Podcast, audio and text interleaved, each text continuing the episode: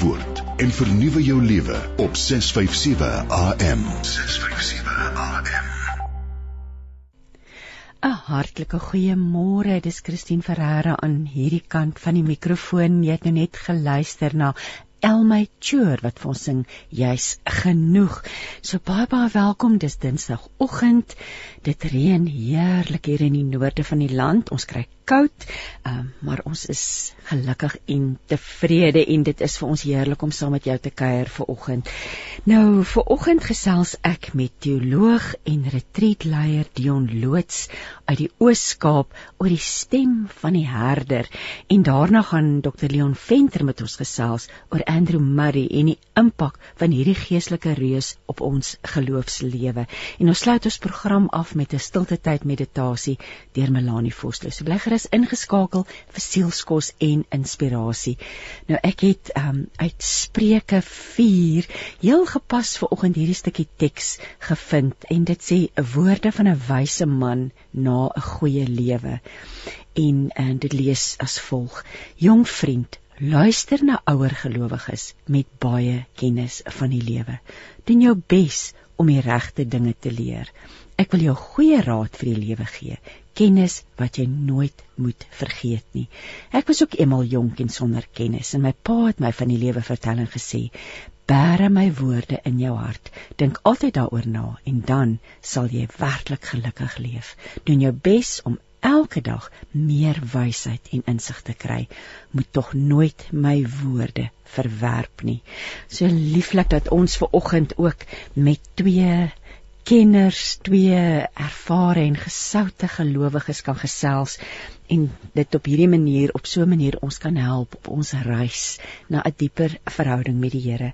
Nou Dion Loots is in Appington gebore, hy het in die Bokaroo groot geword en by die Universiteit van Stellenbosch het hy sy teologie graad en ook sy M in teologie behaal. Hy's daarna jeugleraar by die Reformed Church in Zambië tot 1991 en hy dien ook as leraar van die NG Kerk Somerstrand vanaf 1992 tot 2014.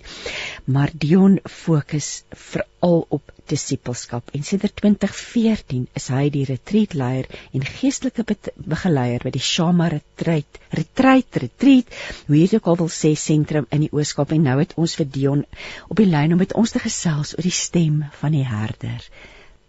Môre Christine, hoe gaan dit? Oeg, dit gaan goed, baie beter met my van dit ons jou die lyn gekry het. Met is maar 'n paar spanningsvolle oomblikke tot 'n mens uh, die lyne reg kry. Dis beerdkrag, dis reën. Hoe lyk hoe lyk dit daar ja. by julle in die Oos-Kaap? Het julle ook nog steeds reën?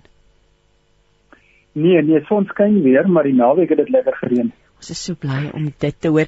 Dion, die stem van die herder en ek ek neem aan jy het nie gehoor dat ek in die begin gelees het nie, maar wat Spreuke wat sê luister na mense met baie kennis van die lewe, met 'n ouer gelowiges. So ek wil nou nie hier na jou ouderdom verwys nie, maar gelowiges met baie kennis van die lewe en is my so gepas uh vir ons gesprek vandag.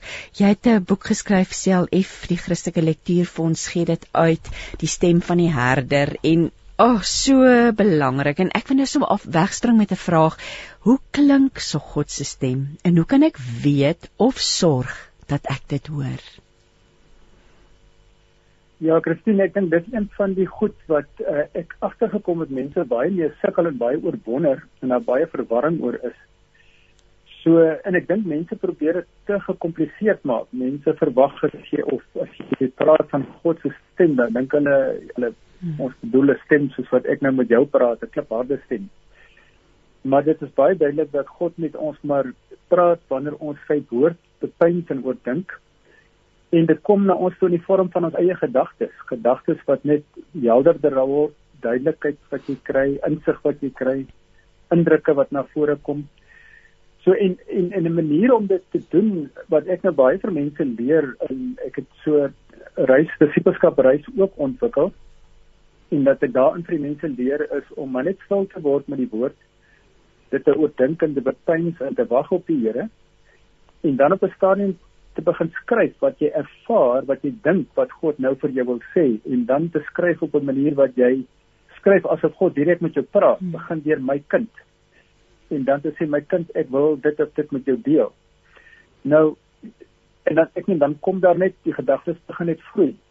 Nou vra mense maar hoe weet ek dis nie my eie gedagtes nie, maar dit ek ek meen ons kan miskien later sal ons daarby terugkom as ons nou oor van die ander skrywers praat. Maar daar's baie kenmerke aan God se stem wat ons later net agterkom. Maar hierdie gedagtes is nie maar my eie gedagtes nie. En my eie gedagtes is baie keer negatief en afbreekend, maar God se is nooit so nie. So dis 'n kort maar uh, die basis ek dink ons sal 'n bietjie meer gesels ja, as ons ja. aangaan daaroor. Dis so pragtig die beeld van die herder, want die herder roep die skape en en soos daar in Johannes staan, hulle volg nooit 'n vreemde nie, hulle sal van hom wegvlug omdat hulle die stem van vreemdes nie ken nie. En dan sê Jesus natuurlik, ja. my skape luister na my stem en ek ken hulle en hulle volg my. So hierdie hele beeld van 'n herder het eintlik soveel spesiale betekenis, nê? Ja, Ja, en en ek meen ook daai beeld en ek dink daai my skape ken my stem is juist dat mens deur oefening ehm um, dit leer ken en agterkom hoe klink dit. Ehm um, en en net later begin weet. Ek meen ek weet nie of jy al in die Midde-Ooste was nie, maar ja, ja. Dit word baie daar vertel dat daai skape vandag nog regtig die stem van die herder ken en hulle sal op geen ander persoon se stem reageer nie maar wanneer die herder praat dan reageer hulle onmiddellik en ek dink deur oefening begin mense ook al meer so God se stem net duideliker te erken en te onderskei van ander stemme. Dit was nou eintlik presies wat ek vir jou wou gesê het of wou gevra het. Dit verg oefening. Ons moet ingestel yeah. Ja. wees om om want die oorsprong is die die God woon in my, die Heilige Gees is in my. So ons kan maar daardie stem vertrou omdat ons weet ja yeah. God woon binne my Christus is in my. Um, so onderskeiding natuurlik belangrik soos jy gesê het maar later leer jy en jy weet hoe meer jy oefen hoe hoe fyner hoor jy natuurlik die stem. In hierdie boek dis dis dis 'n vreeslike lekker boek. Ek moet sê hy lees lekker en wat vir my nogal interessant en lekker was, net ek neem aan jy het dit geniet om bymekaar te sit.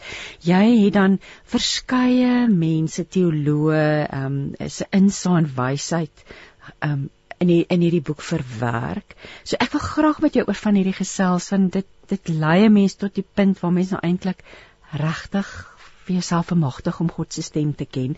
Jy dit begin met wel ken Kay, ken Kaish, spreek ek sy naam reg uit?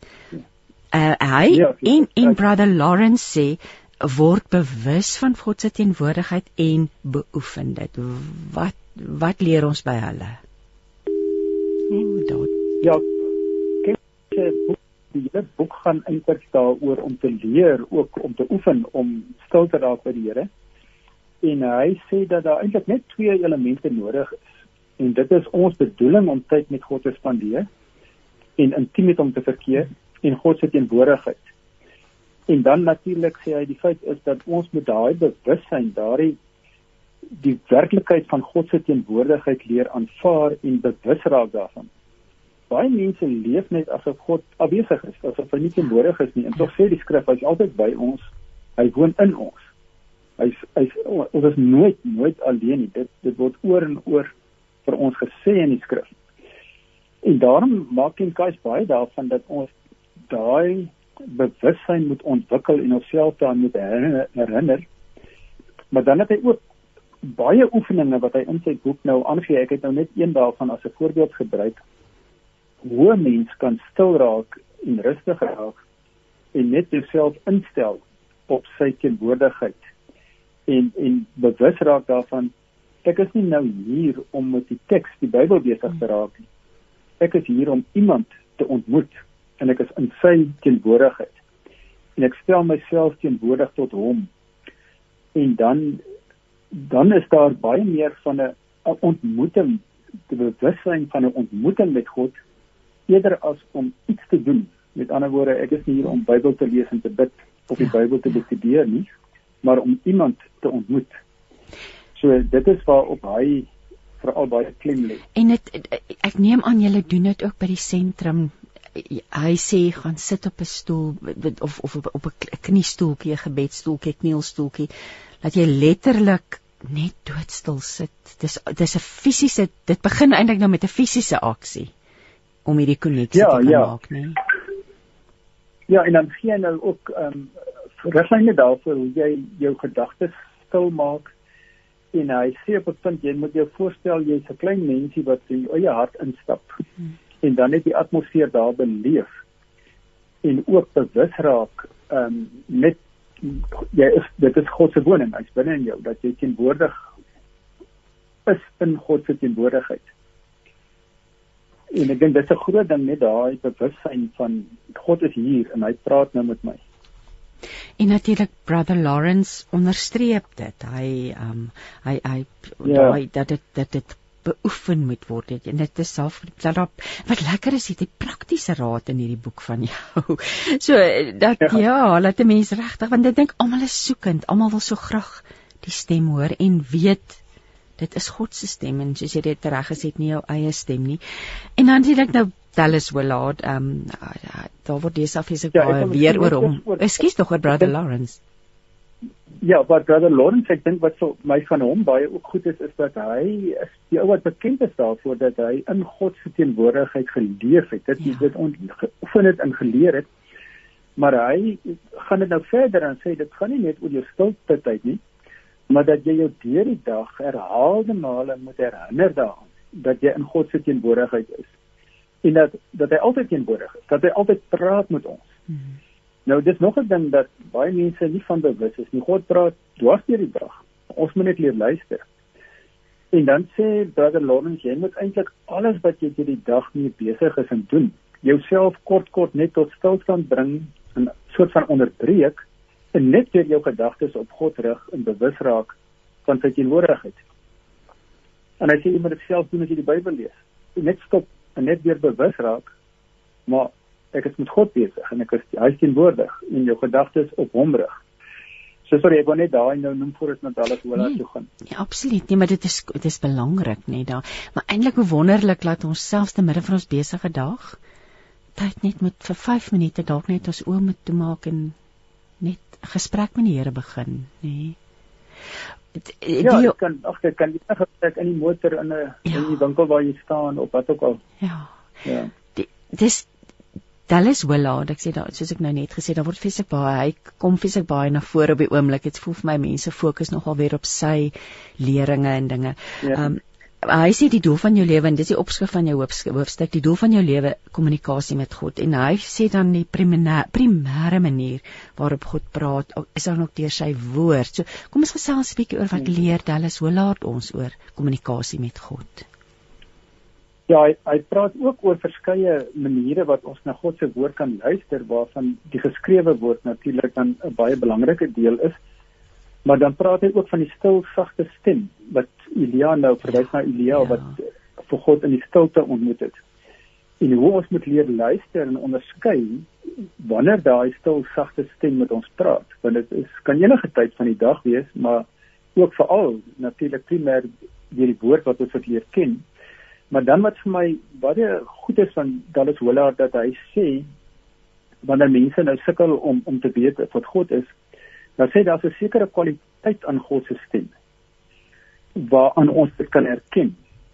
En ons dink aan goed soos is dit stadig of vinnig vloeiend of hakelrig, is dit indirek of op die punt af, maar dat daar 'n manier van praat is waar ons weet, uh, ons leer ken dat as 'n kwaliteit, 'n sekere kwaliteit aan dis nie ehm um, en dan ook die die gees van God se stem sê is dit passievol of koud? Is dit klarig en veel uitsend, onseker of vol selfvertroue?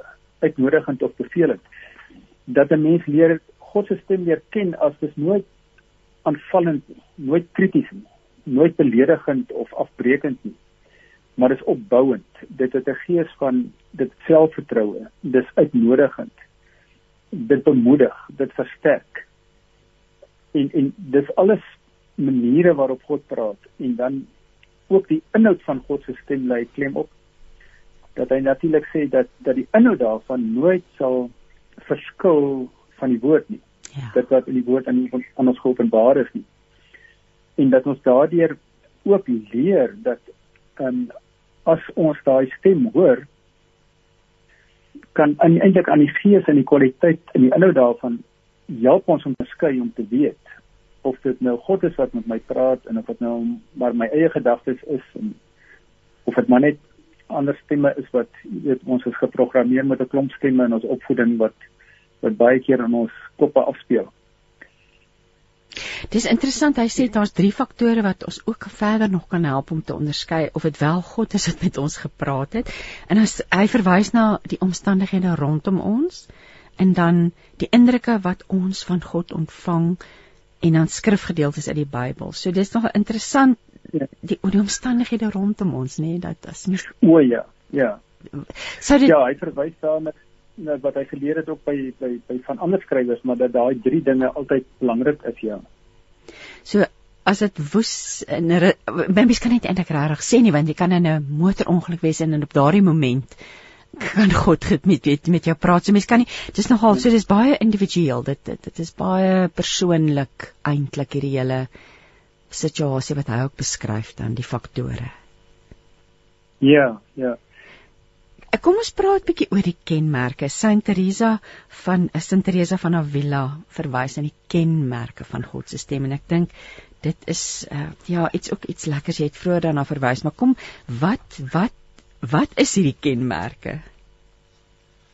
Ja, nou ek vind haar werk is natuurlik ook deur oor die jare al deur soveel mense gelees wat ja want sy is ook iemand wat geken is daarvoor dat sy baie naby aan God geleef het en sy stem regtig leer ken het.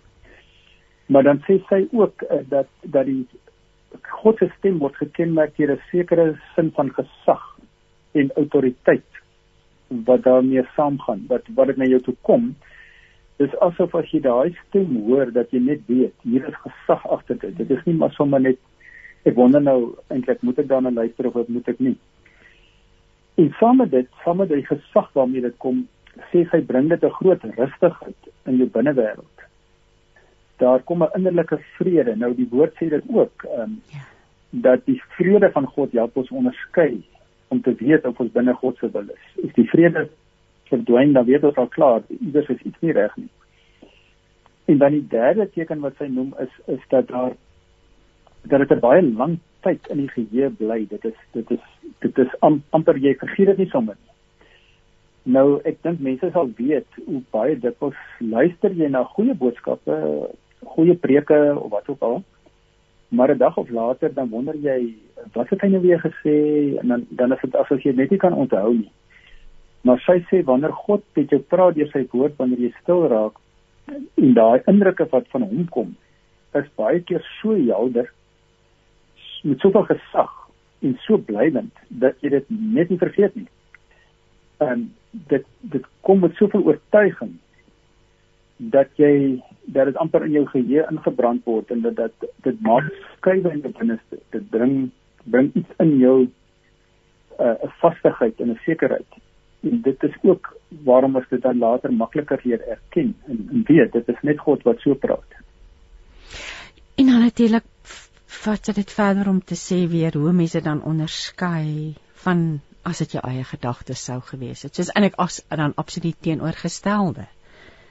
Um, ja, ja.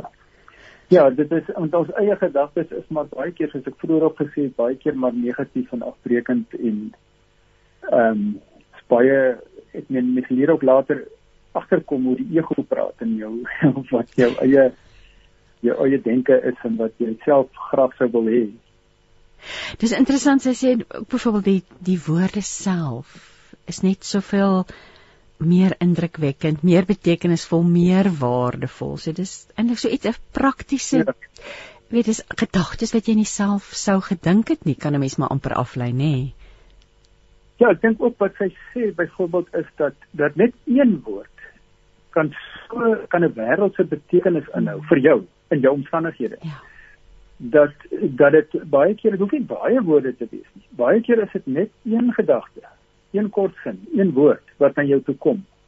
Maar dit het 'n dit maak 'n wêreld se betekenis in oop en en bring daai rustigheid en vrede omdat dit met daai gesag kom. Nou ek het dit al beleef ook selfs in in, in tye wat ek met mense gepraat het en ons saam gebid het en ek nou hulle uitnooi en sê wag op die Here en kyk of hy iets met jou wil deel en dat daar net een woord vir daai persoon opkom maar dit dit bring so groot verskil want hulle dit dit is net daai impak wat dit het wat absolute vrede bring en dit is dis iets spesiaals om te beleef. Ek kom net die hele tyd terug na die oefening dat 'n mens regtig jy moet jou oopstel daarvoor nê. Nee om te sê ek wil ja, wil ja. u stem hoor en dit jo daar's daar's en dit is my so interessant daar is so 'n verskeidenheid van mense wat wat vir ons dan in hierdie boek wat jy saamgestel het um, net regtig vir ons lei daai gees van God wat in jou diep in jou binneste is so net soveel beter te ervaar. En ons streef almal daarna. Want dit is eintlik die enigste manier, nê? Dis wat die woord ons leer. Ons gaan nou breek vir musiek Dion. Uh, um, ons gaan luister na Nagel Meiburg, Nigel Meiburg wat vir ons sing in die teenwoordigheid. Ja. Maar net daarna sit ons ons gesprek voort en dan gaan ek vir jou vra gee ons genoeg aandag aan God se stem. Maar kom ons luister eers na musiek. Hoor die woord en vernuwe jou lewe op 657 AM. 657 AM en jy luister na met hart en siel hier op Radio Kansel en Kaapse Kansel ek Christine Ferreira en ek's in gesprek met Dion Loots en ons gesels oor sy boek Die stem van die herder die lewensaar van 'n disipel. Dion jy het 'n verskeidenheid interessante mense wat jy aanhaal en en kommentaar lewer oor hulle ehm um, oor wat hulle te sê gehad het oor die onderwerp. Onder meer Madame Jean Guyon, ek ek het nog nooit van haar gehoor nie. Uh, 'n uh, Franse dame gebore in 1648 sê jy ehm um, in die in hierdie hoofstuk. En dit lei my en sy praat ook oor oor die aandag wat ons gee in God se liefde en en hoe sy gesukkel het met haar gebedslewe. Kan jy vir ons ietsie oor haar vertel? Dit is eintlik baie interessant. Ja, dit is my interessant dat jy sê jy het nog nooit van haar gehoor nie want sy is ook van die mense wat ek dink uh, nogal verskriklik baie deur die wêreld, ag miljoene mense wat deur haar skrywes gehelp is. Ehm um, hoor jy my nog? Ja, ek hoor jou mooi duidelik. O. Ehm um, ja, so, so sy was 'n Franse in die in die aristokrasie wat met 'n jong ouderdom uh, sonder keuse van haar eie natuurlik moes trou met 'n ou ouer man van 38. En sy het verskriklik baie swaar gekry in haar lewe. Sy's baie deur haar skoonma eintlik 'n 'n baie moeilike lewe ehm um, wel haar skoonma het dit vir haar baie moeilik gemaak. En en sy het in haar alleenheid en in haar gesukkel het sy met die God uitgekom en hom regtig op 'n diep persoonlike manier leer ken. En toe begin skryf daaroor en is haar werke al meer en meer deur mense gelees. En ek meen sy's later baie erg vervolg deur die priesters want hulle het nie gehou daarvan nie, maar sy het mense so baie mense geleer om werklik na God te luister en om 'n persoonlike verhouding met hom te hê. So ehm um, en en sy maak dit verskriklik prakties hoe om ook met die woord stil te raak en dit te bepeins en te bedink. En een van die goed wat sy baie sterk klem op lê is dat jy nooit die woord haastig moet lees nie. Jy moet rustig wees en werklik luister totdat jy ervaar dat God praat met jou en dat hy vir jou dinge oopmaak voordat jy aanbeweeg. So dis een van die goed is dat dat mense net te haastig met die woord is. Hmm soos hier voor rukkie terug by iemand hier by die retreat sentrum gekom en haar boekie opgetel en begin lees en sy was in vervoering sy sê toe vir my sy soek haar hele lewe lank nog na sulke sulke riglyne rondom hoe om te luister na God. En ek sien as ek nou nie mis dit nie is die titel van die boek is dit nee nee nee nee dit is nie experiencing union with God through in a prayer nie dit is Chadwick of of Wie, nee nee, dit is, is dit is ja, dit is, is Jan Johnson. Is dit ja. daar? Vir die hele ja. vanoggend vir my, dit is altyd lekker om iets nuuts te ontdek en veral vanuit natuurlik die perspektief van 'n vrou en 'n ma en jy verwys ook in jou boek dit sê dit nie fisiek gepraat oor om neer te skryf of joernaal te hou nie. Want die mense in daai tyd was eintlik ongeletterd geweest. So ja.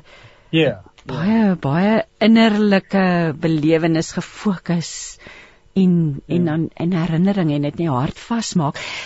Sy verwys net ook dat dat God meer hy luister baie graag na ons. O, eh, meer as ons na sy stem wil luister, wil hy graag soos daardie interaksie tussen God en sy kinders. Ja. Um mag gee ons genoeg aandag aan sy stem in ons alledaagse lewe. Sommers ons is lief vir die Here en ons ons streef daarna om meer te hoor. Maar dink jy ons gee genoeg aandag? Wat is jou waarneming? Ja, ek dink dit is die groot probleem wat ek nou agterkom ook met baie mense wat hier kom. Kyk, mense vandag baie mense sê mos vir jou hulle is net te besig. Ja.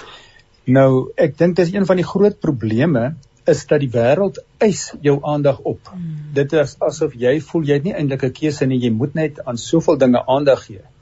Daar's jou gesin en jou man en jou vrou en jou kinders en die werk en omstandighede en ek weet nie wat alles nie. Maar God eis nie aandag op nie. Hy nooi ons uit. Ja. Hy vra aandag. En daarom voel dit dalk vir mense, wel ek kan nie eintlik daarby uitkom nie, ek is te besig.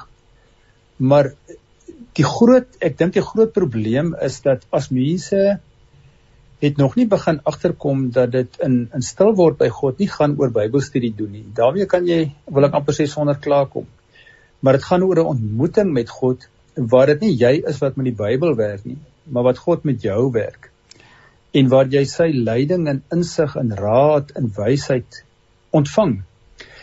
En dat juis besige mense het dit nodiger want my ervaring jare terug was toe ek meer tyd begin spandeer het om na God te luister dat ek skielik baie meer tyd ervaar het. Ek, ek spaar baie tyd. Ek het ek het meer tyd tot my beskikking omdat God vir mense help om te weet wat om te los en wat om nie te doen nie en waarvoor om nee te sê terwyl jy anders net instorm en goed doen so ek dink mense ehm um, sien baie keer nog die aandag wat God vra as 'n nog 'n eis. Ja.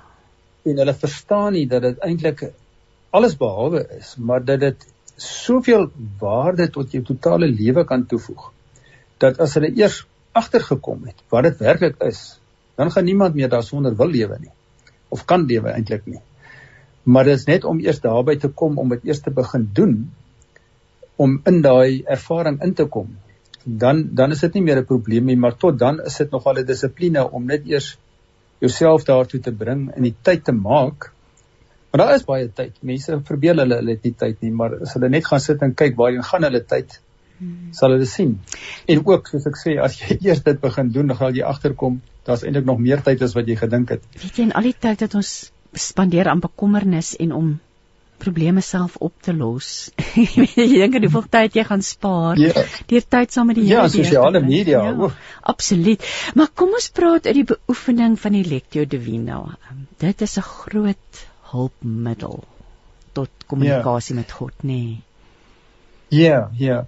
Nou vir party mense sal die woord Lectio Divina dalk nog vreemd klink. Dit is maar iets wat baie vroeg al in die kerkgeskiedenis hier van die 5de eeu af ontwikkel is deur in die kloosters en kyk dit het ook daarmee saamgegaan dat die die vroeë daai meeste van die Christene kon nie lees nie. En dan het hulle ook aanvanklik maar na die na die kerke toe gegaan en die priester het die woord vir hulle voorgeles.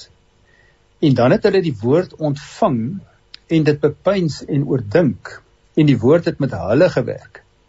God het met hulle gewerk deur die woord. Nou selfs in die in die kloosters was daar van die monnike wat nie kon lees. Hulle kon ook nie almal lees en skryf nie. En dit is 'n manier waarop hulle die woord ontvang het en bepeins het. So mettertyd het dit toe nou begin eintlik en hulle het dit 'n hele paar keer gelees, nie net een keer nie. So toe het hier in die 12de eeu het een van die monnike toe nou die hele ding van Lectio Divina meer um, ontwikkel of of of verduidelik hoe dit kan gedoen word en dit verduidelik in vier verskillende stappe wat nou gaan oor die lees van die woord, 'n bepeinsende biddende lees wat lectio genoem is.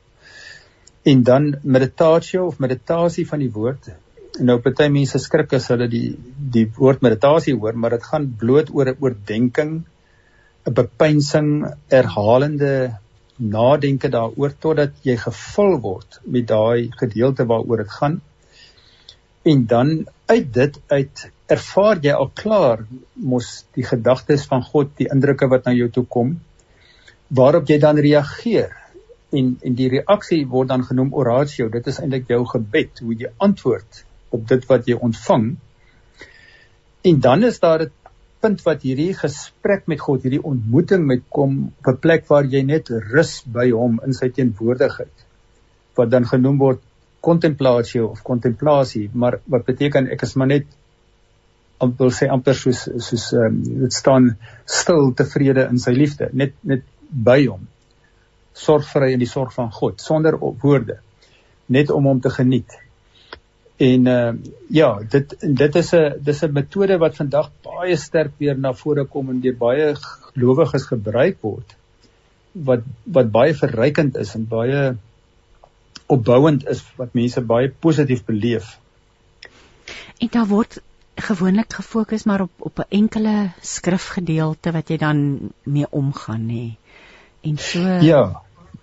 Ja, dis ook maar soos soos Madame Bion ook gesê het dat jy nie lang gedeeltes moet lees nie, maar korter gedeeltes wat dan nou wat jy regtig by stil staan.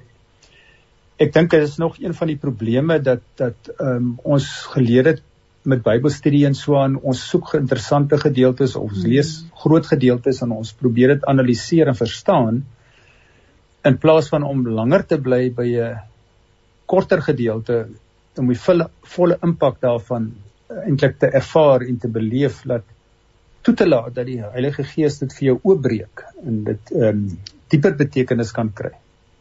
En natuurlik hierdie is iets wat jy elke dag stil op jou eie kan beoefen. Ehm um, die formaat volg want dit is is daar is 'n tipe van 'n formule. Dit volg en ja. dan weer jou gebedslewe, jou kommunikasie, intimiteit met die Here verdiep. Jan Johnson, dis nou interessant dan mens voel partykeer jy vra net die hele tyd.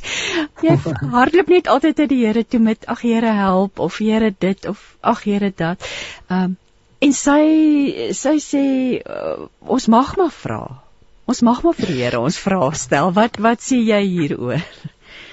Ja, ek dink nou die die dit klink miskien nou vreemd dat uh, uh, ek dink die belangrike ding by al hierdie skrywers by Jan Johnson ook lê baie klem daarop dat dat gebed alles behalwe net vra is, ja, maar dat dit ja. baie bestaan uit luister ook ja. om te hoor wat op God se hart is. Maar ek dink wat sy hier bedoel gaan nie oor jy weet ehm um, wat ons nou noem om bid vir my kinders ja, en bid vir dit ja, en ek praat ja. vir dit nie. Maar maar dit gaan daaroor om vir God te vra oor my verhouding met hom. Ja. Ehm um, en oor my karakter. Ehm um, ek sê sy sê ons moet vir hom vra wat wil hy vir my leer oor sy koninkryk? Ja. Wat is hy besig om in my lewe te doen? Wat moet ek raak sien? Wat mis ek dalk? Sulke tipe vrae. Ehm um, as daar iemand is in my lewe wat my miskien irriteer en frustreer, Here, wat wat moet ek raak sien? Wat moet ek weet oor daardie persoon? Ehm um, wat behoort ek te weet vir hierdie hierdie dag wat ek nou ingaan? Ehm um, wat is my lewensmaat se behoefte? Wat het my liggaam nodig?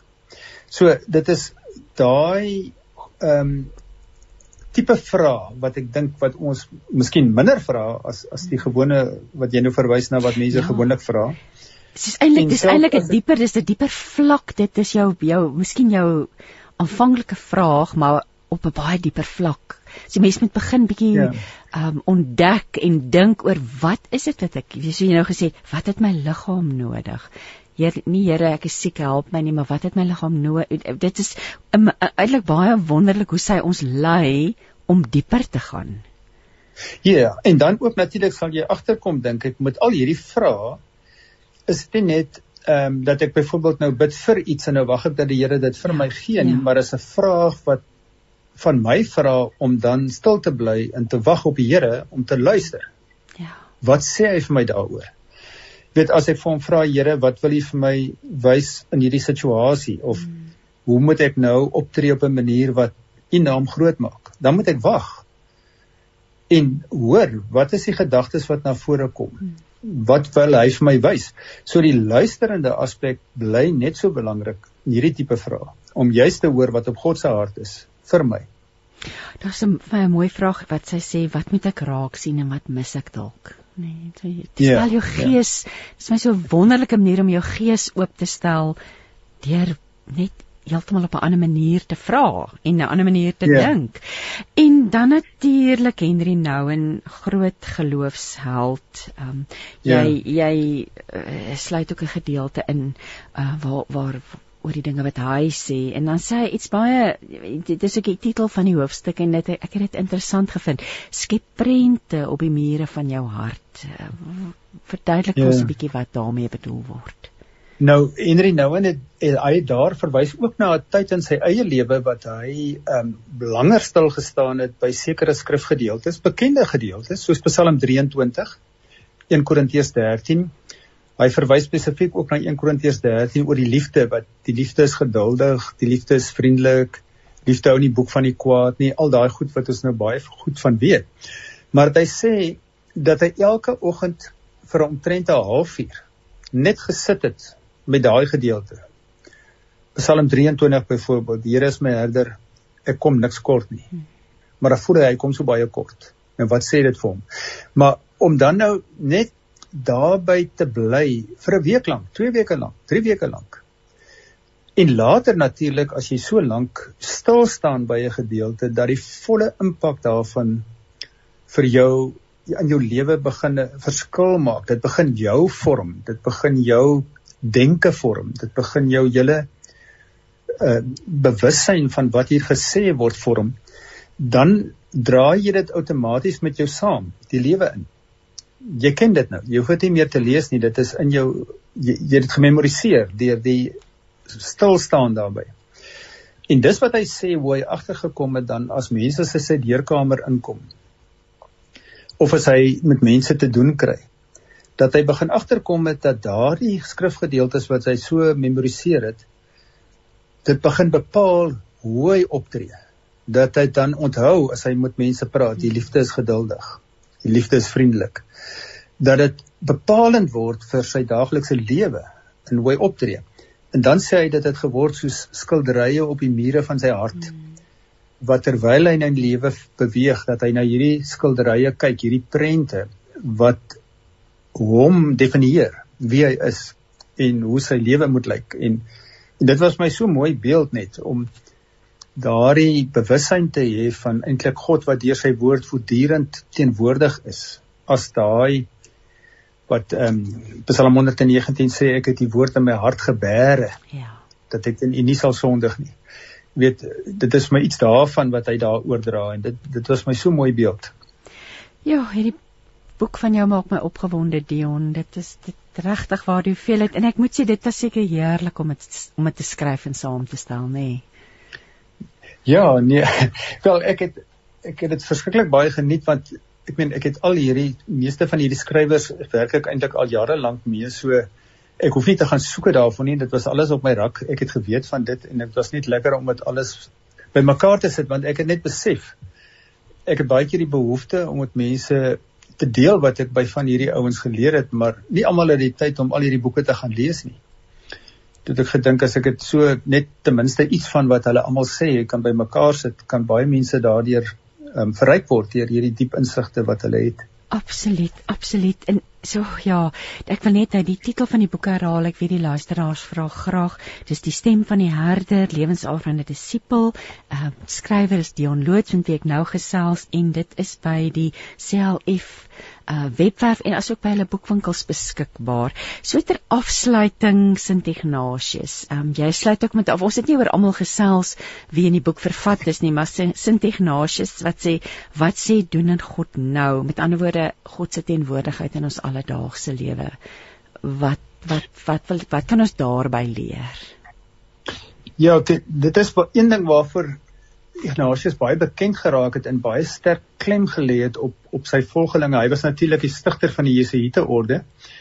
En dit is wat hy genoem het die daaglikse ondersoek dat 'n mens aan die einde van elke dag bietjie terugdink oor jou lewe, wat het vandag gebeur en dit hy noem dit dat jy dit amper soos 'n 'n storie vir jou laat afspeel, elke faset daarvan. En dan met die doel om te vra wat het gebeur wat was goed in hierdie dag en vir God dankie te sê daarvoor? En wat was sleg in hierdie dag en hoekom was dit sleg? En wat kan ek leer daar? En wat wys God vir my eintlik daardeur vir oor myself as ek dalk weet verkeerd opgetree het? Hoekom moet ek so opgetree? Maar om te reflekteer en te dink en dan vergifnis te vra as ek dan nou iets verkeerd gedoen het. En om dan uit dit wat ek agterkom keuses te maak vir my pad vorentoe. So dis 'n kragtige ding refleksie oor elke dag om bewus te word God werk die hele dag met my. Nou dis interessant ek het dit nou nie in die boek geskryf nie maar Sokrates het al gesê the unreflected life is not worth living. Dit mens leer niks uit die lewe as jy net bietjie nadink oor wat gebeur het nie en dit daarmee help Ignatius ons baie om na God toe te gaan en oor die dag na te dink. wat leer ons by hom? En dan raak ons ook al meer bewus van hoe is hy teenwoordig deur die loop van die hele dag by my. Ja, en daai wonderlike weet hy is daar nê. Dion, ek wil ja. vir jou dankie sê vir jou tyd. Ehm um, as mense wil kontak maak met jou, ehm um, as hulle jou die retreat sentrum wil besoek, waar doen hulle dit?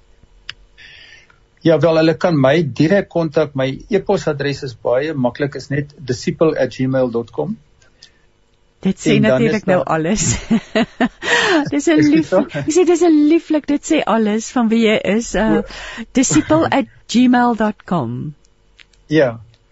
En, en dan ehm um, ons ehm um, retreat sentrum se webblad is shema is s h a m a .net.za, nie Kouza nie. Ja. So dit is www.shema.net.za. Ek wil dit net graag herhaal. So as jy direk met Dion wil kontak maak, disciple@gmail.com en as jy die Shama um, retreat sentrum wil kontak, daai ene gaan jy moet net shama@.net Nee, jy moet hom nou herhaal ja. asseblief. Ja, dit is www is mos gewoonlik begin met ja. www.shama is s h a m a .net tot ZA. Tot ZA en daar en alles is daar wat jy graag wil weet oor die retreat. Ja, oor die retreat sentrum. Ja. So Shamasie Hebreëse woord vir luister. Dis wat mense hier kom doen, hulle kom luister. Ag wonderlik. Ag herken die stem van die herder. Wonderlik. Dion baie baie dankie vir jou tyd vandag en ons is so bevoorreg geweest om met jou te kon gesels en ons wens jou alle seën toe met die werk wat jy doen en nogmaals dankie. Nee, baie dankie Christine ook vir die geleentheid. Dit was lekker om met julle te kan gesels met die luisteraars. En ek meen dis vir my 'n passie om vir mense te help om net sy stem beter te leer ken. Absoluut, absoluut. Maar kom ons luister nou na Dion, ons gaan groet en ons gaan luister okay. na Werner Bessinger wat vir ons sing Reis na Eers. Goed, baie dankie. Dankie Dion, totsiens. Hoor die woord en vernuwe jou lewe op 657 AM. 657 AM. Jy luister met hart en siel. Ek is Christine Ferreira en nou gaan ek gesels met Dr Leon Venter oor die boek Andrew Murray, die nuwe lewe vir die volgelinge van Christus ook van CLF Uitgewers. Môre Leon. Goeiemôre Christine. Wacht. Baie dankie dat jy my het. Ek wil kan Leon, jy's 'n bietjie sag. Ons probeer net gou jou klank hier reg kry. Daar sê Leon, kan jy my hoor? Ja, ek hoor jou baie baie goed. Baie ons, dankie. Ons sukkel ons sukkel ver oggend so 'n bietjie met die ontvangs. Ons weet nie wat aan die gang is met die netwerke nie, maar ons is so bly jy's op die lyn. Leon Andrew Murray die nuwe lewe vir die volgelinge van Christus. Vertel ons 'n bietjie meer oor hierdie boekprojek wat jy aangepak het. Ja, baie dankie. Weet jy die uh gedagte om om van die boeke van Andrew Murray te verwerk is al baie baie lank in my kop. Ek het vir die eerste keer met Andrew Murray se werk te doen gekry toe ek nog 'n skoolseun in in Oudtshoorn was. Dit is nou al 63, so is nog jare terug. En ek onthou, ehm um, ek het daardie tyd het ek 'n dagboek eers opgetel die die goddelike geheim wat mense oor oor sy werk uh, uh saamgestel het. So deur die jare het ek altyd gesê nee, ek gaan dit eers doen as ek 60 is. Ek uh, ek wag tot dan. Ek het 'n bietjie ander werk gehad, akademiese werk en ek het ander goed gedoen. En toe ander tyd, ehm um, in 2021 was dit weer so tyd wat ons toe was. En ek het toe nou nie iets anders 'n ander projek gehad nie, dit besluit dis nou die tyd ek het dit uh die boek aangepak um die nuwe lewe vervolgelinge van van Christus. En dit het my persoonlik so net soveel beteken om net weer met die diep geestelike waarhede uh waarmee jy werk om om dit sommer net weer vir myself vas te maak. Ja so dit maar waar ek Leon dis my dis my eintlik so interessant dan hoeveel betekenisvolle dinge het gespruit vanuit hierdie wat sê die tyd wat ons toegesluit was. Ja, hierdie is ja. een van die dinge wat wat so absoluut betekenisvol was vir jou en nou vandag vir mense wat graag meer wil lees en die boek wil in die hande kry. Die kerkvader Andrew Murray. Vertel ons 'n bietjie meer oor hierdie uitsonderlike mens wat hy was. Ja, hy hy hy was 'n baie baie spesiale uh mens en 'n wonderlike gawe aan aan die kerk en 'n wonderlike gawe aan die aan die NG Kerk. So ek kan ek 'n paar minute neem om die bietjie oor hom te praat. Absoluut, ja. Hy is gebore in uh Grafrenet uh die 9de Mei 1828. En wat baie interessant is, sy pa was nou Andrew Murray senior hy het so ongeveer 1820 het hulle die gesin uh of die paal almal hy hier gebore van Skotland af gekom en uh die gouverneur Somerset het toe dat kom om die met die verengelsing van die Kaapkolonie te help en ook die tekort van van predikante. Maar wat interessant is, hy het op 'n redelik jong ouderdom, ek dink hy was 10 of 11 of 12, het hy saam met sy ouer broer John terug gegaan. Dis nou Andrew die uh ons uh, man wat nou die skrywer is het hy Skotland toe gegaan om teologie te gaan studeer en hy was 17 jaar oud toe hy sy 'n uh, graad gekry het by die Universiteit van Aberdeen in Skotland. En hoor hier, hy was 21 jaar oud. Ja, dis bitter jong. Hy word 'n predikant van van die Tweede Kerk in Bloemfontein. En daar was hy en dit was dit was hier in 1848, 1849. Het vir 11 jaar daar gewerk, dis in Woester toe. En in Woester het die uh groot herlewing plaasgevind toe hy daar was. En dit is ook waar die Pinksterdienste wat ons nou volgende week van die uh ontstaan van die NG Kerk. So ook dit het die weer omgekom. Toe was hy kort tydjie gaan uh ek wil so 'n bietjie deur sy lewe gaan in Kaapstad predikant en in 1871 het hy by Wellington toe gekom. Ehm um, en daar het hy uh, vir die res van sy bediening gewees gesterf het in, in 1917. Daar's twee standbeelde van hom opgerig, een by uh, reg voor die die moedergemeente in, in Wellington en ook voor die groot kerk in Kaapstad. Hy was nie minder nie as 6 keer moderator van die NG Kerk. Ek ek dink dit was omtrent 'n periode van 30 jaar. Hy het eerste keer moderator geword toe hy net so in in die 30 was. Ehm um, hy het natuurlik 'n baie baie groot rol gespeel met opleiding van van uh, veral vroue. Hy het onderwysers begin oplei in in in Wellington en ook later maatskaplike werkers. Hy het 'n kinderhuis daar begin, maar sy groot ander ding was dat hy sendelinge opgelei het in Wellington wat kerke reg deur Afrika begin het in Malawi, in Zimbabwe en selfs in Nigerië, een van die heel grootste kerke in Nigerië is uh, begin deur sendelinge wat hy opgelei het. Hulle het homself die donkies van God genoem. Nou hy het meer as 240 skrifte geskryf, meer as 90 boeke, meer as 30 van sy boeke het gebed gegaan en ek gaan nou maar ek wil nog so of twee goed sê. Hy het 'n doktorsgraad, hy is nie akademikus nie, maar hy het sy alma mater die Universiteit van Aberdeen het vir hom uh, later 'n doktorsgraad gegee. Dis kom hy bekend as, as dokter Andrew Murray. So net as afsluiting, die NG Kerk het uh, in die afgelope klompie jare weer begin besin oor uh, Dr Andrew Murray en oor sy werk en wat dit beteken en hulle toe sy pastoriebaan het gebly het en die huis waar of die die geboue waarna hy die sendinge opgelei het het herstel dis nou 'n uh, spiritualiteitssentrum mense kan dit kom besoek hulle kan daar oorbly hulle kan in die pastorie ingaan hulle kan sit in die studeerkamer hy se boeke met die hand geskryf het. Wonderlike wonderlike ervaring, wonderlik om in die huis te kom en sommer net die gevoel te kry van hierdie groot reis wat daar gebly het. Weet jy die woord nalatenskap kom by my op. Dis almal wonderlik as die Here jou seën met so 'n nalatenskap. Hier praat ons nou vandag oor hom hoeveel jaar later. Ehm um, en hy het nog steeds 'n impak op die lewens van gelowiges. Ek wil gesels oor die sentrale tema van die boek gelowiges ontvang en leef 'n nuwe lewe. Wat leer hy ons daar? Ja, dit is 'n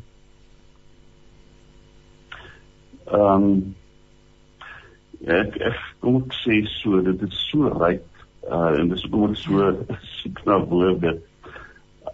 Andrew Mark sê die nuwe lewe wat ons ontvang is die ewige lewe saam met God. En daardie ewige lewe is nie eers wat begin na my dood nie, dit begin nou wat ek ek ontvang dit nou. Hierdie lewe ehm um, is van die begin af by God En uh hierdie lewe het, het God in Jesus geopenbaar. En uh ons ontvang hierdie lewe in Jesus en ons lewe is nou verborge in Jesus. Um en ons taak in hierdie lewe is om al meer aan Jesus gelyksvormig te word. Ek wil 'n teks uh, sommer net lees um wat wat uh, Marie ook aanhaal uh, in Johannes 1 vers 1 tot 3. Ons skryf Johannes van die begin af was hy daar, dis nou Jesus, en die van die begin af was Jesus daar. En dan sê ons het homself gehoor. Ons het hom met ons eie oë gesien. Ja, ons het hom gesien en met ons hande aan hom geraak.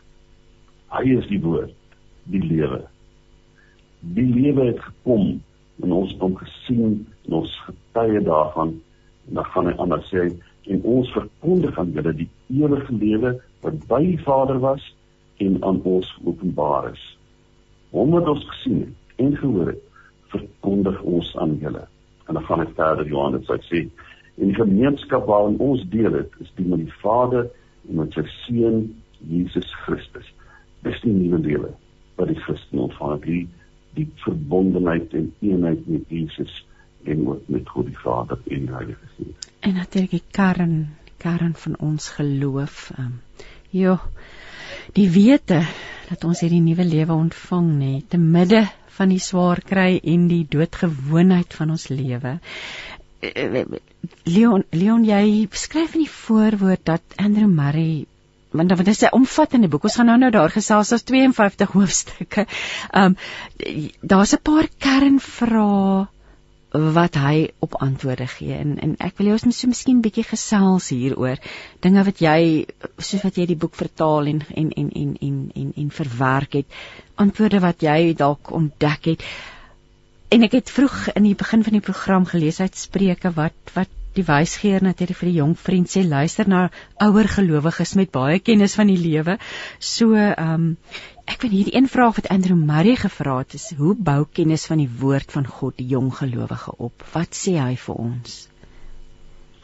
Ja, dankie. Ehm um, miskien moet mens wil ek moet ek op hierdie punt net sê, hierdie boek het hy geskryf na aanleiding van 'n reeks preke en en ook omdat hy bekommerd was dat baie jong gelowiges nie die evangelie uh goed verstaan. Ja. So hy hy het intentioneel geskryf om jong gelowiges mense wat pas tot bekering gekom het hmm. om hulle op te bou in geloof maar op die ou en dink het hy homself uh totaal oortree want hy oor oor uh, uit oor die hele geestelike lewe die hele lewe van die gelowige geskryf en wat hy sê oor hoe die die woord van God sy jong gelowiges opbou hy sê die volgende hy sê in die eerste plek natuurlik is kennis van die woord noodsaaklik ek kan nie groei sonder kennis van die woord nie. So eenvoudig is dit. So as jy as jy tot geloof gekom het, as jy Christen geword het, jy moet nie dink dit is nou klaar nie. Jy moet die woord bestudeer. Uh jy moet leer wat sê die woord vir jou oor Jesus? Wat sê die woord vir ons oor die Heilige Gees? Wat sê die woord vir ons oor geloof? Wat sê die woord vir ons oor sonde? Wat sê die woord vir ons oor oor oor heilige lewe? Dit baie mooi. Hy sê die woord is soos melk. En 'n pasgebore baba moet melk drink om te kan groei. Jy moet hierdie melk ontvang. Uh want want hierdie melk kom van God af en dis dis eintlik sê Marie, dis deelname aan die lewe en die liefde van God. Hy beskryf ek het gou iets sê wat wat my baie baie getrek het toe ek dit nou weer lees ek het vergeet ek sê die die hart van van die mens is God se tempel. Die voorhof is die mens se verstand. So jy moet die woord leer, jy moet dit verstaan met jou verstand. Maar dit is nie genoeg nie. Ek sê daai woord moet sap tot in jou hart en dis dis waar geloof kom, né? Nee, wanneer ja. wanneer die woord in jou hart kom, jy weet dit hierop bou ek my lewe. Is dit net ongelooflik wonderlik dat die woorde vandag nog net soveel krag het nie. Ons kan dit absoluut net so vat en toepas op ons lewens en dit gaan 'n verskil maak. Een van die ander, ek weet nie of jy nog iets wou gesê het oor die kennis van die woord nie. Ehm um, maar een van die ander vrae is wat hy dan gestel het is wat is die gevare op die pad van die gelowige? En dit is my interessant weet verskil dit vandag? Is dit nog steeds maar dieselfde dinge? Wat leer Andrew Murray ons daaroor Ehm um, is jy met met die gevare ja die gevare want ons het nou nog gesels in die nuwe lewe van ja, van ja, dit ja. het ons eintlik nou al oor gesels maar die, ek het ja. nou gespring na die volgende vraag wat is die gevare ja, op die pad van die gelowige wat hy na verwys ja.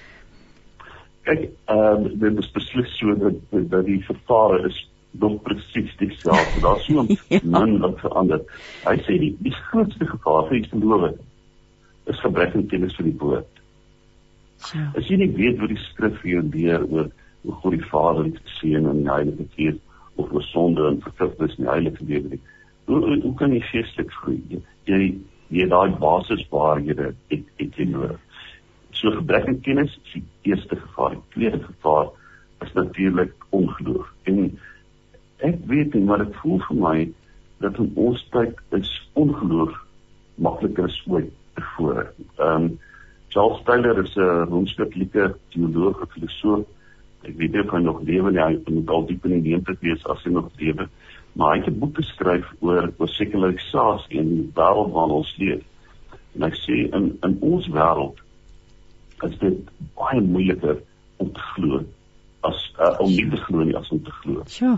Hy gebruik baie voorbeelde. Hy sê in die middeleeue as jy 'n woud verloop het, dan in die blare ritsel in die wind, dan het jy gevoel my is iemand by my. Maar nou is jy nie met ons wetenskaplike kennis die nou nie wat so met blare ritsel en wind. Dan weet jy dis die wind wat die blare waai. Hy sê sekularisasie maak dit vir ons moeiliker om te glo. So uh, die gevare is gebrek aan kennis, uh ongeloof wat baie baie uh, makliker is vandag. Dit is moeiliker vir mense om te glo vandag, dink ek. Ja, interessant, nee, en die impak wat dit dan op ons samelewing het en Ja, sjoe. En een van die volgende goed, 'n vraag wat hy wat hy stel is en dit is ek wil graag die antwoord hierop hoor. Hoe moet die gelowige sy lewensenergie bestee? Wat sê hy vir ons? Ja, maar dit is natuurlik uh, 'n uh, baie vroeë man se nie antwoord is is baie baie, baie kort. Ehm um, hy sê die gelowige moet sy lewensenergie spandeer om die woord van God uh te bestudeer sodat jy vir Jesus Christus kan leer ken en jou hele lewe is verborge in Jesus Christus. Ons moet die woord ter harte neem. Ek moet dit ken met verstand. Ek moet dit toelaat in my hart. Ek moet toelaat in my emosies wat my heiligdom is sodat dit my wil kan bereik en my lewe kan verander. So ek ek laat ek ek leer ken die woord my verstand, laat dit insink in my hart en ek doen dit met my wil met met met my lewe. Ek sê dit is waar die gelowige sy energie moet spandeer. 'n Eenvoudige antwoord maar eintlik 'n kragtige antwoord, nê? Nee? Ja. ja en dan die laaste van hierdie kernvraag wat hy wat hy stel is, hoe kan 'n gelowige seker maak dat hulle groei in hul geloof? Dis die antwoord is natuurlik dieselfde, jy ken die woord. Ja. ja, die kyk as jy as jy hierdie boeke lees en al sy boeke is so, so eh, eh, dis my verstomming want hy het nie die, die hulpmiddels en die tegnologie gehad wat ons het nie, maar sy skrifkennis en sy skrifgebruik is fenomenaal. Hy uh ook in hierdie boek is daar ek het al sy verwysings na my skrif gehou en uh dit mens moet alles mag gaan lees en dit onderstreep in in jou Bybel.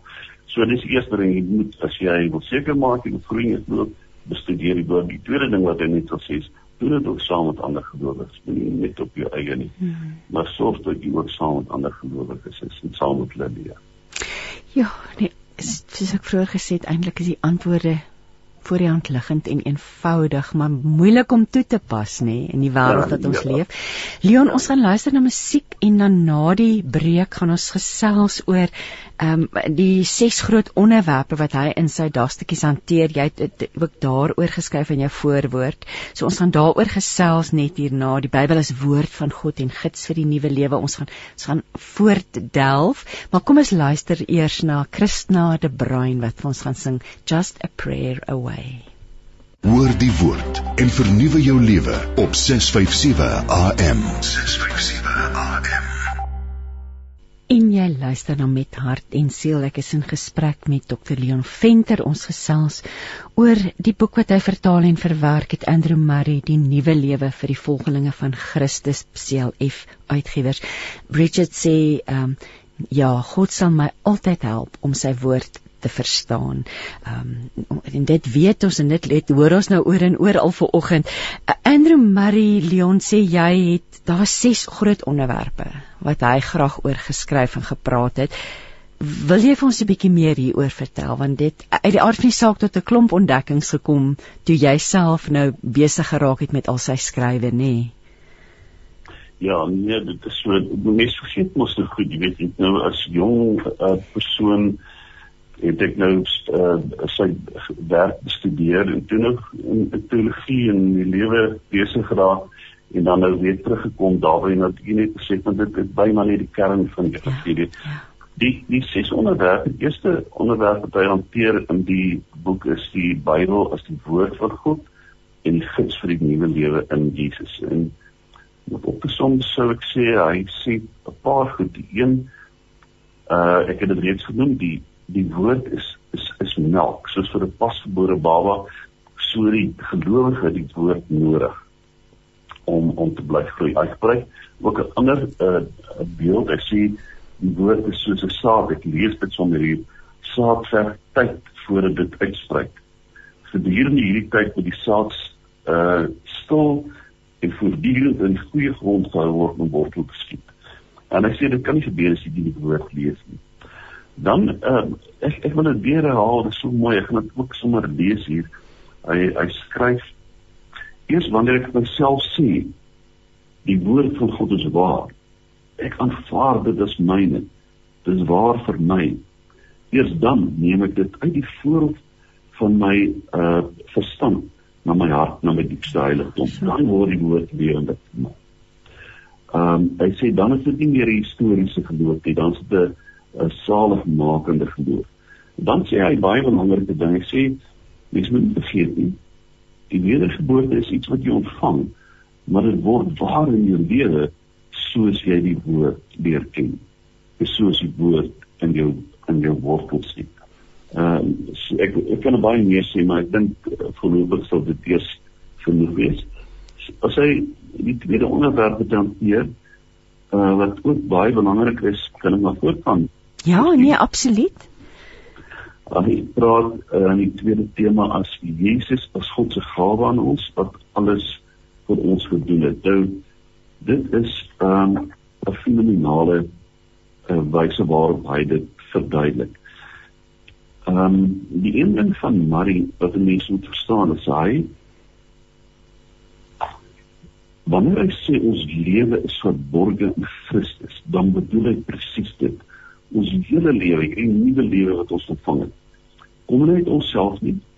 Dit is in Christus. So wat Christus gedoen het, hy het gekom, hy het vir ons sondes gesterf, hy het ons sondes vergewe, hy het dit weggeneem.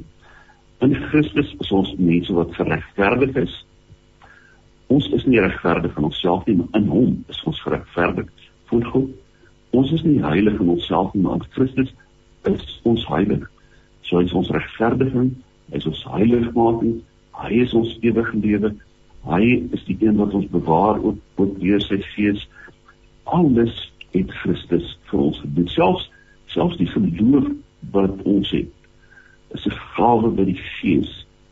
Ehm uh, vir vir ons sien moet dit ook hier dan baie mooi sien.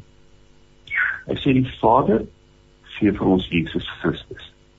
En in Christus ontvang ons alles wat ons nodig het vir hierdie nuwe lewe.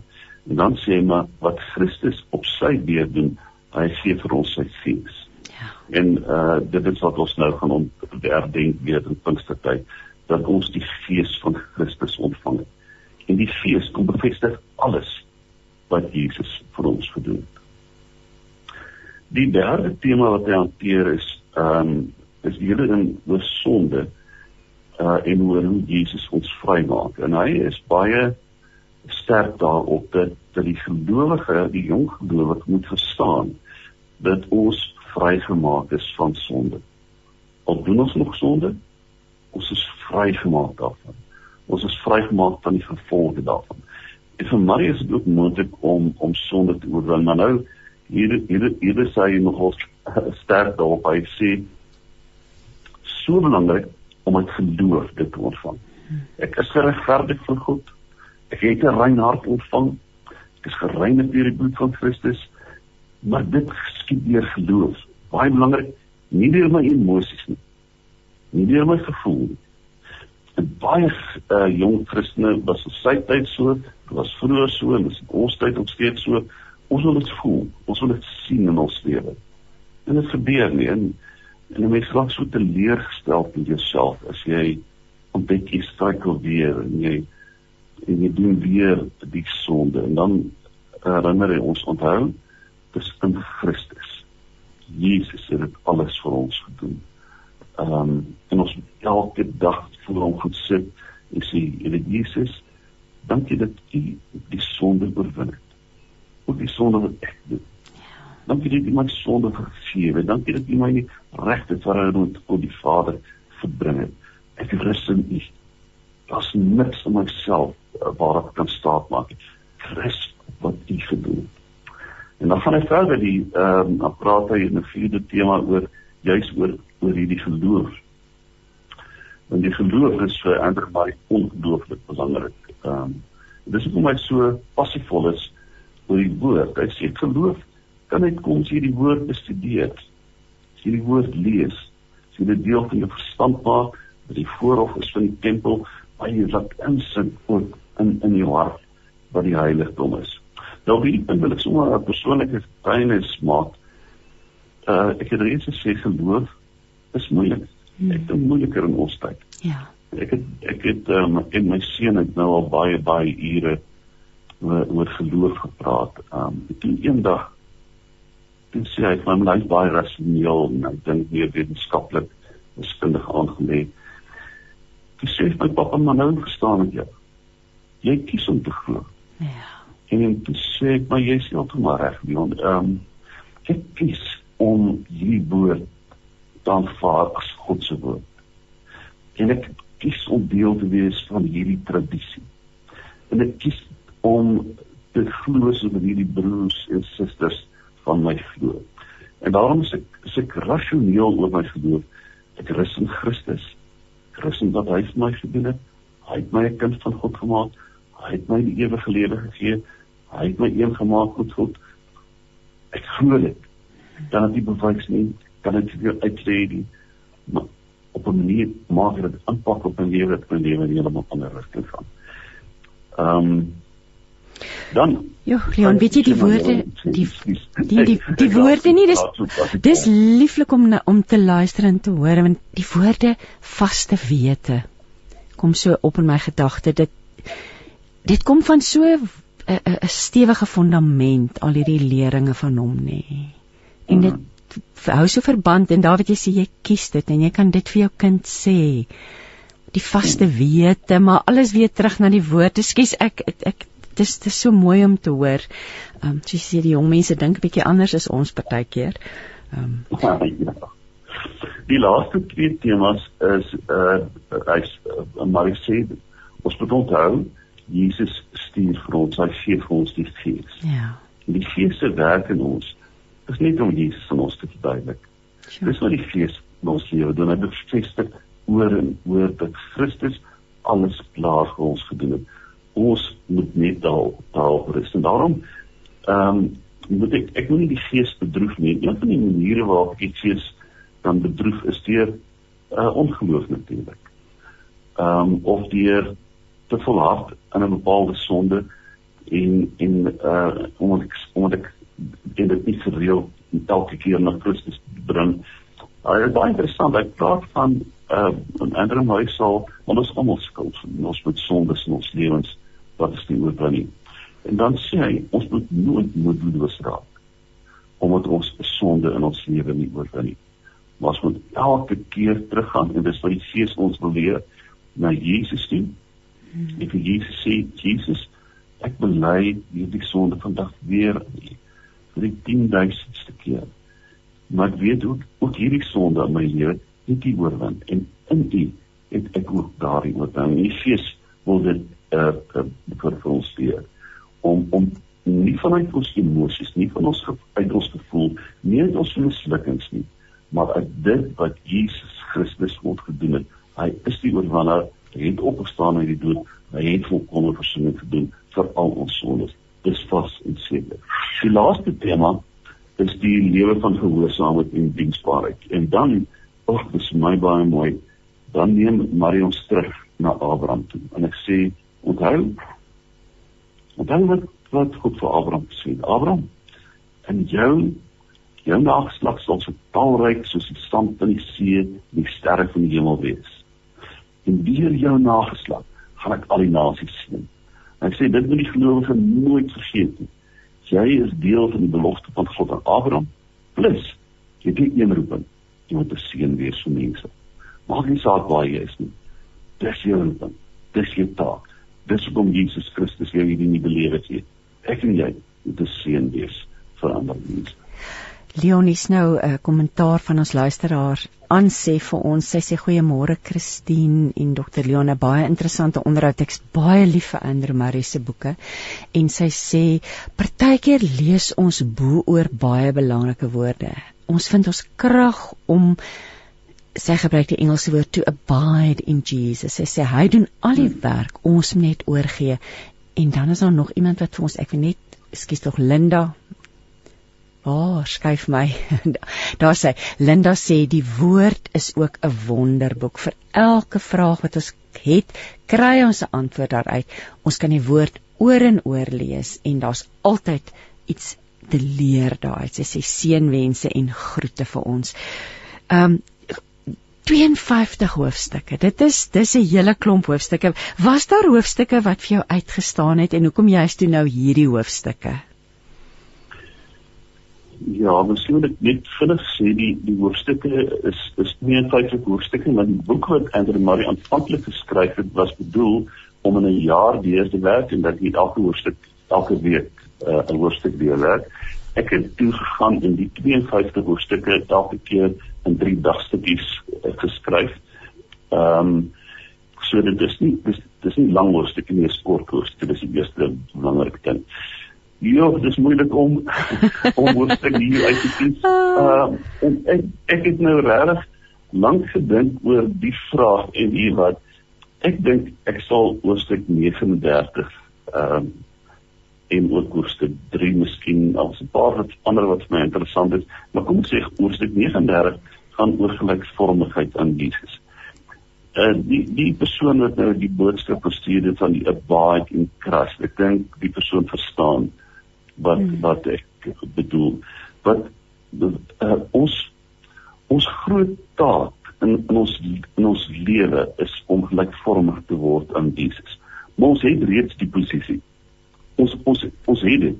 Dit moet net uitspeel in ons lewe en en dit gebeur deur geloof, deur kennis van die woord en daaglikse oorgawe aan Christus, daagliks terugkeer na daai daai skuilplek in Christus, my my posisie in Christus om So in uh, hy skryf baie mooi daaroor natuurlik hoofstuk 46 wat gaan oor selfverdoning.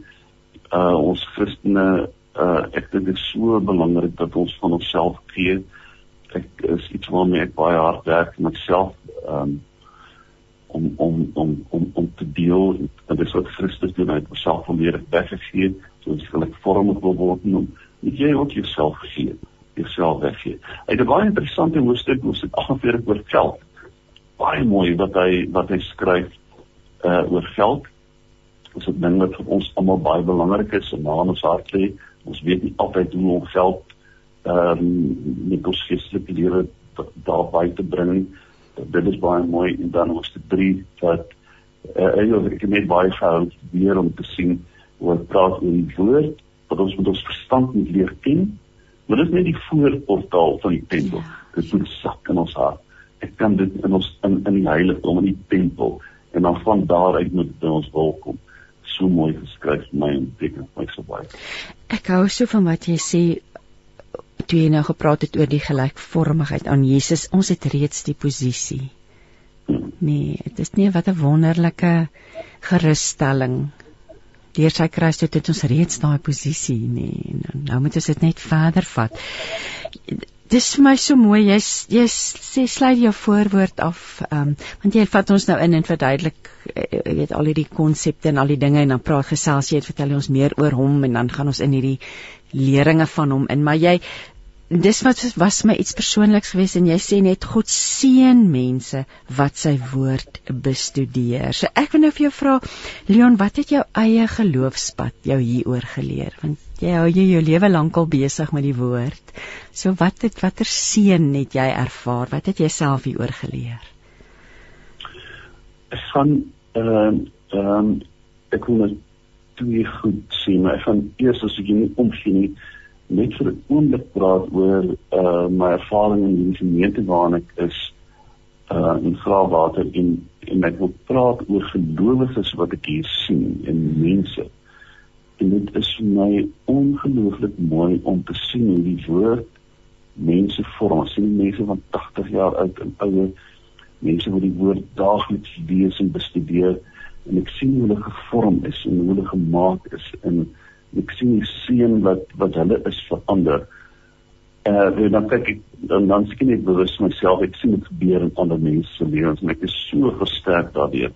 In my eie lewe het ek op ouderdom 14 ehm um, die plande bekering gehad. Ek het voor dit ook die Bybel gelees en ehm um, omdat ek baie lief was vir lees en baie lekker met Bybels gehad het as as kind. Maar ek het op 14 het ek die Bybel begin bestudeer en die woord deel vir my gemaak het. Ek kan verseker sê dat uh op 'n paar keer in baie baie moeilike plekke in my lewe het ehm um, die enigste rigslyn rigsnoer wat dit met baie diep wyse na my toe gekom het was die woord. En en dit het my gelei en ander mense net vir my gesê maar op aarde kry jy dit reg?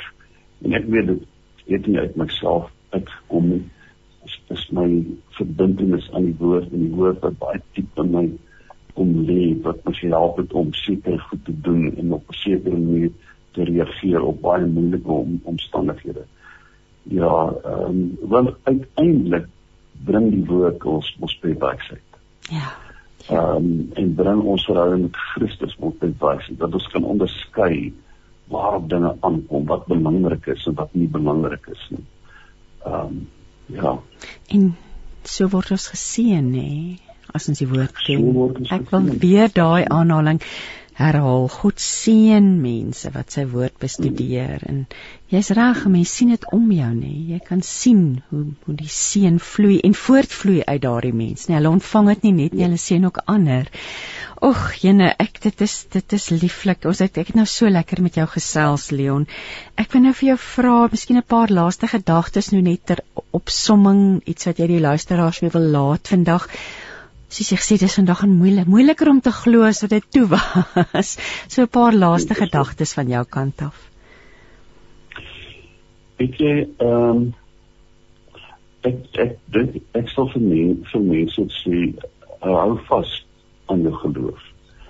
Bly by uh by partymal nie na jou emosies kyk nie, bly by dit wat jy in die verlede geleer het, bly by die mense met saam wie jy geleer het. Ek een van die goed wat ek sien vandag is dat mense maak hulle self los van geloof van af van hulle gemeente en van hulle kerk en van ander gelowiges moenie dit doen.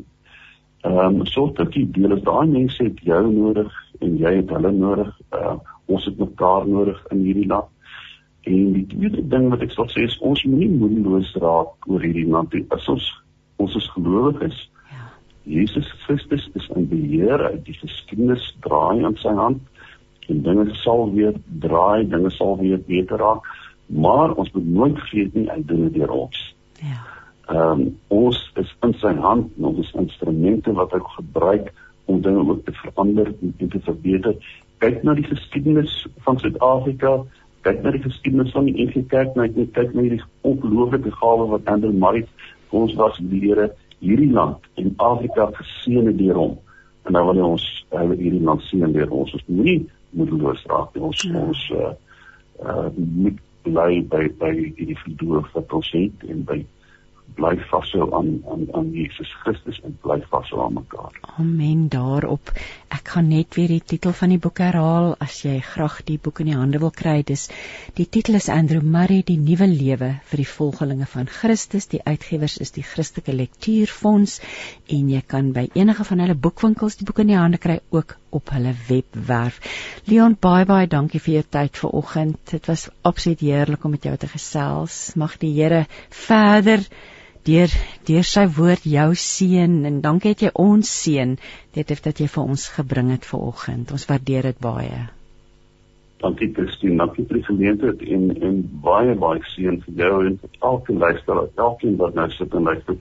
Reg besmaak jy die teenwoordigheid van Jesus Christus te lees en en sy vrede en wat presies uh vir jou gee wat jy behoef, waar jy behoefte het vandag baie seën. Dankie vir die Dankie, dankie Leon.